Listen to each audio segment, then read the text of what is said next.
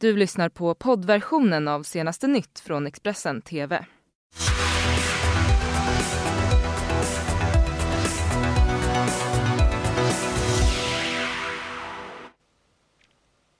God morgon! Välkomna hit till senaste nytt i Expressen TV. Jag heter Ylva Johansson och det här är våra rubriker. En majoritet av svenska väljare vill se större samarbete med Sverigedemokraterna enligt en ny mätning av Sifo. Radikaliserade utvisningsdömda personer lever i ingenmansland i Sverige. Expressen har mött en av dem. Och USA har dragit tillbaka ett stort antal soldater från Syrien vill markera, vilket markerar slutet för den amerikanska militära närvaron i landet. Men vi ska börja den här sändningen i eh, Svartå i Degerfors kommun där en villa stått i full brand under natten. Huset som ligger eh, precis vid väg 205 mellan Svartå och Degerfors brann för fullt i flera timmar och branden orsakade problem i trafiken. Huset eh, som brann ska ha varit obebott och gick inte att rädda.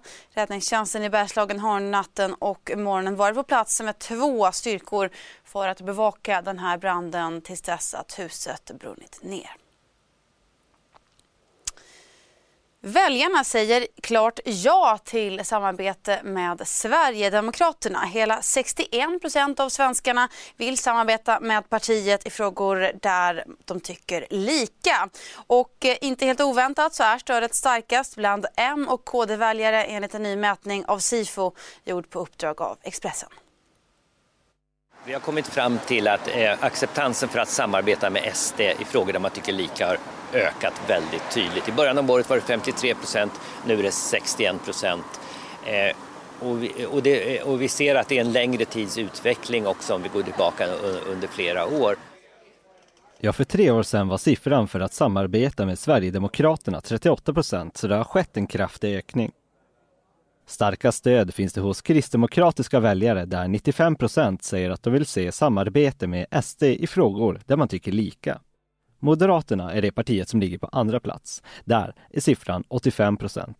Mer splittrat är det inom Liberalerna där 47 procent vill se samarbete och inom Centerpartiet 42 procent. Bland väljare till de rödgröna partierna är stödet som väntat svagare. 30 procent av MPs väljare vill se samarbete med SD och 29 procent inom S. Absolut mest motstånd för den tanken finns det hos Vänsterpartiets väljare där bara 18 procent vill se ett sådant samarbete. Och mellan män och kvinnor finns det också ett gap. 70 procent av männen vill se samarbete med SD respektive 51 procent av kvinnorna.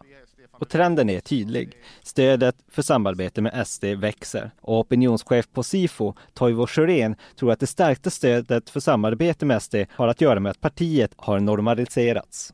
Sverigedemokraterna breddar sig politiskt. Eh, det finns också någon sorts effekt av att eh, man finns där år från år och det, det gör ju att eh, ja, det, partiet blir helt enkelt normaliserat i media, i riksdagen och liknande så att man, man, man, man finns där.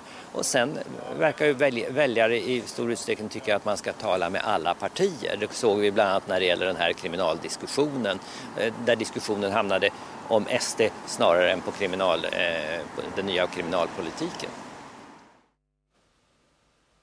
Malmö vill göra en stor satsning på solceller runt omkring i stan. Det är miljökommunalrådet Simon Krisanders senaste plan för att hjälpa till att uppnå målet om 100% förnybar energi i Malmö om tio år. Enligt den här planen ska Malmö stad tillsammans med bland annat ett energiföretag bilda ett bolag som installerar och sköter solpanelerna på företagstak. Och fastighetsägarna behöver därmed alltså varken investera i panelerna panelerna eller hantera dem. Och Simon Krisander han säger att man vill göra det lättare för företagen. De behöver bara säga ja så fixar Malmö stad investering, montering och underhåll av de här solfångarna.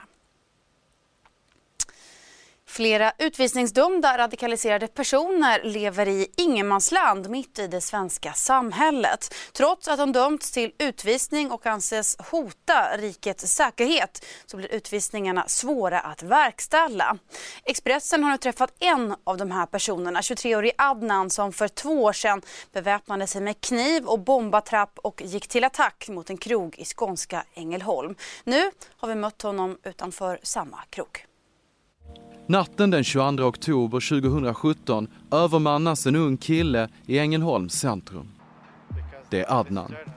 Han har bestämt sig för en av krogarna i centrum. Med kniv och bombatrapp har han siktet inställt på att utföra en attack. Han kastar glasflaskor och krossar fönstren på krogen. Men Adnan övermannas innan han hinner gå längre. Polisen är beredd att skjuta honom om han gör motstånd. Adnan döms för en rad brott till fängelse i ett år och sex månader och dessutom ska han utvisas. Men nu står vi ändå här i Ängelholm med personen som kom som kvotflykting från Syrien. Han är kvar i Sverige, i den skånska staden, trots sitt utvisningsbeslut två år efter sin attack mot krogen. Det var dumt. Jag var ung och uh, jag tänkte att eh, det är någonting som jag måste göra. Jag trodde att det var rätt så jag bryr inte mycket. Vid tiden för dådet är Adnans mobil full av bilder på avrättningar, terrordåd från olika delar av världen och budskap från Islamiska staten. Men det var då. Nu säger han att han inte förstår hur han kunde tänka så då. Hade det inte varit för läget i Syrien hade Adnan inte varit kvar. Men utvisningen som utdömdes mot honom kan inte genomföras. Sverige utvisar inte flyktingar till det krigsdrabbade landet. Nu är Adnan arbetslös, bostadslös och har anmälningsplikt hos Migrationsverket. Han sover ofta över hos sin bror eller hos en vän i Helsingborg. Jag får inte jobba eller studera för, för att jag har en, en, alltså ingen uh, uppehållstillstånd. Men uh, jag vill att uh, absolut fortsätta studera till exempel. Eh, eller göra någonting som, jag kan, som kan hjälpa mig. I Sverige befinner sig ett betydande antal individer i just den här situationen. De är dömda till utvisning men lever i limbo då landet de kommer ifrån inte anses möjligt att utvisa till. Under tiden i häktet gjorde Adnan en helomvändning. Han säger att han insett hur destruktiv e IS syn på religion och människor är. Adnan vill fortsätta sitt liv i Sverige. People can change and uh, they, they sh not should be forgiven but uh, they should be given at least another chance to prove that they have been uh, an active member that can help others and uh, fix what was ruined.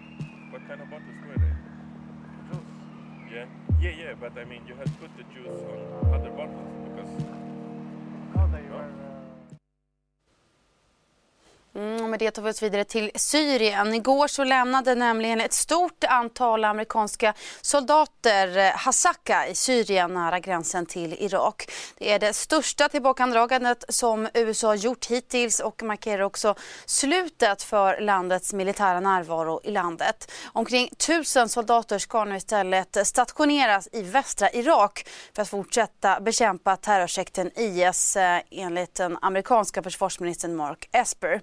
Snart är det också bara 50 timmar kvar av vapenvilan som brutits eh, vid flera tillfällen senaste dygnet. Enligt de kurdiska SDF-styrkorna så har den turkiska militären dödat minst 25 människor efter att vapenvilat trädde i kraft och kontrollerar nu de två strategiska städerna Ras och Talabiyad vid gränsen. Vår Mellanöstern-korrespondent Kassem Hammarpodé är på plats vid den turkiska gränsen och lämnade tidigare den här rapporten.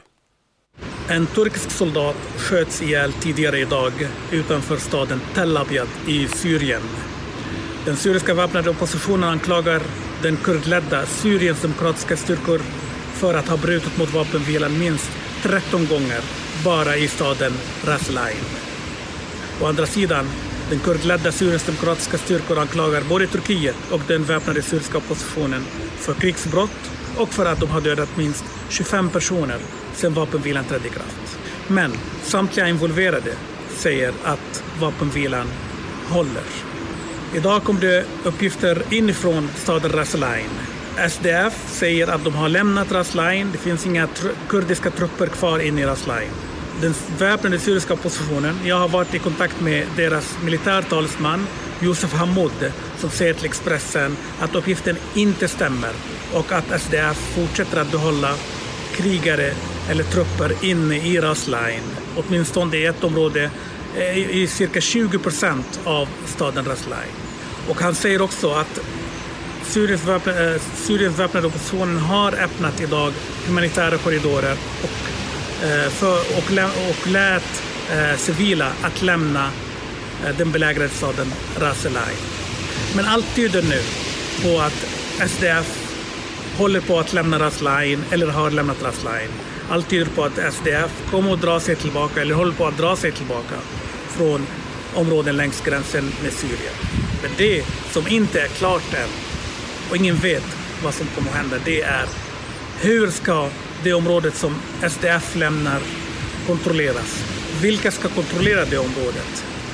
Och vad som kommer att hända med de människor som bor längs gränsen i de byar och samhällen dit Turkiet vill skicka sina trupper till. Det är oklart än. Jag har varit i kontakt med civila inne i nordöstra Syrien. De säger att de är rädda för framtiden. Kasem Hamadeh för Expressen i den turkiska staden Urfa. Matvarujätten ICA framhåller gärna sitt arbete med att minska matsvinnet i butiker och hos konsumenter.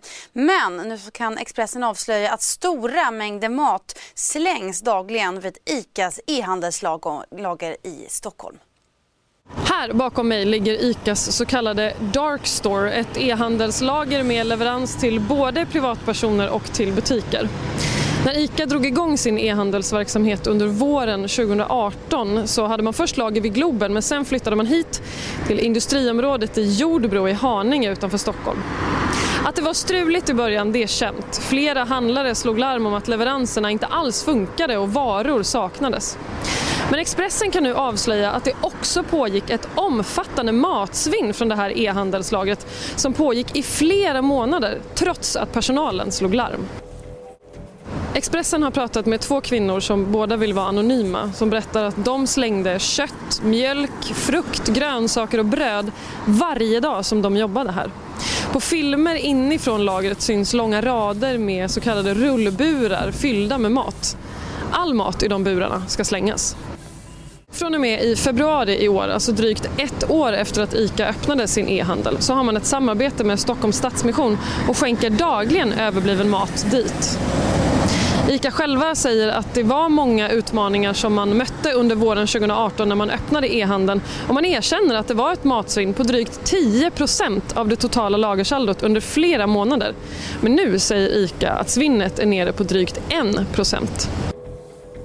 Alltså kunde ni inte ha väntat lite och var helt säkra på att det inte blev det här onödiga svinnet innan ni drog igång så att säga? Ja, det skulle man ju kunna fundera över. Men det är klart att någon gång måste man ju... Jag menar, vi öppnade ju inte bara hux flux heller. Vi hade mm. ju såklart liksom gjort en, en viss läxa. Men sen så när man står där till syvende och sist med alla varor och eh, den efterfrågan som är och de butikerna man ska serva. Så då står man ju, det blir ju mer liksom ett, ett faktum då skulle jag säga. Läs hela artikeln på Expressen.se och tipsa mig om du har nyheter om matsvinn. Ja, det här är senaste nytt i Expressen TV. Mer nyheter hittar du som vanligt på Expressen.se. Du har lyssnat på poddversionen av senaste nytt från Expressen TV. Tillförordnad ansvarig utgivare är Klas Granström. Ett poddtips från Podplay. I fallen jag aldrig glömmer djupdyker Hasse Aro i arbetet bakom några av Sveriges mest uppseendeväckande brottsutredningar går vi in med hemlig telefonavlyssning och, och då upplever vi att vi får en total förändring av hans beteende. Vad är det som händer nu? Vem är det som läcker? Och så säger han att jag är kriminell, jag har varit kriminell i hela mitt liv men att mörda ett barn, där går min gräns. Nya säsongen av Fallen jag aldrig glömmer på Podplay.